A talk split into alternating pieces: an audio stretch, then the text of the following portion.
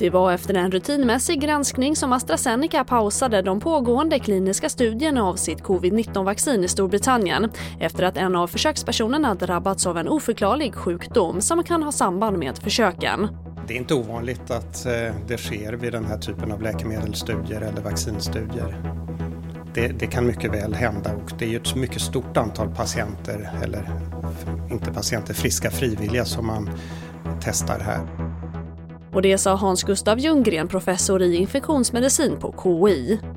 Och vi stannar kvar i Storbritannien där sammankomster med mer än sex personer nu förbjuds. De nya reglerna gäller för folksamlingar såväl inomhus som utomhus. Men undantag görs för stora familjer, skolor, arbetsplatser samt bröllop, begravningar och lagidrott om de genomförs på ett coronasäkert sätt.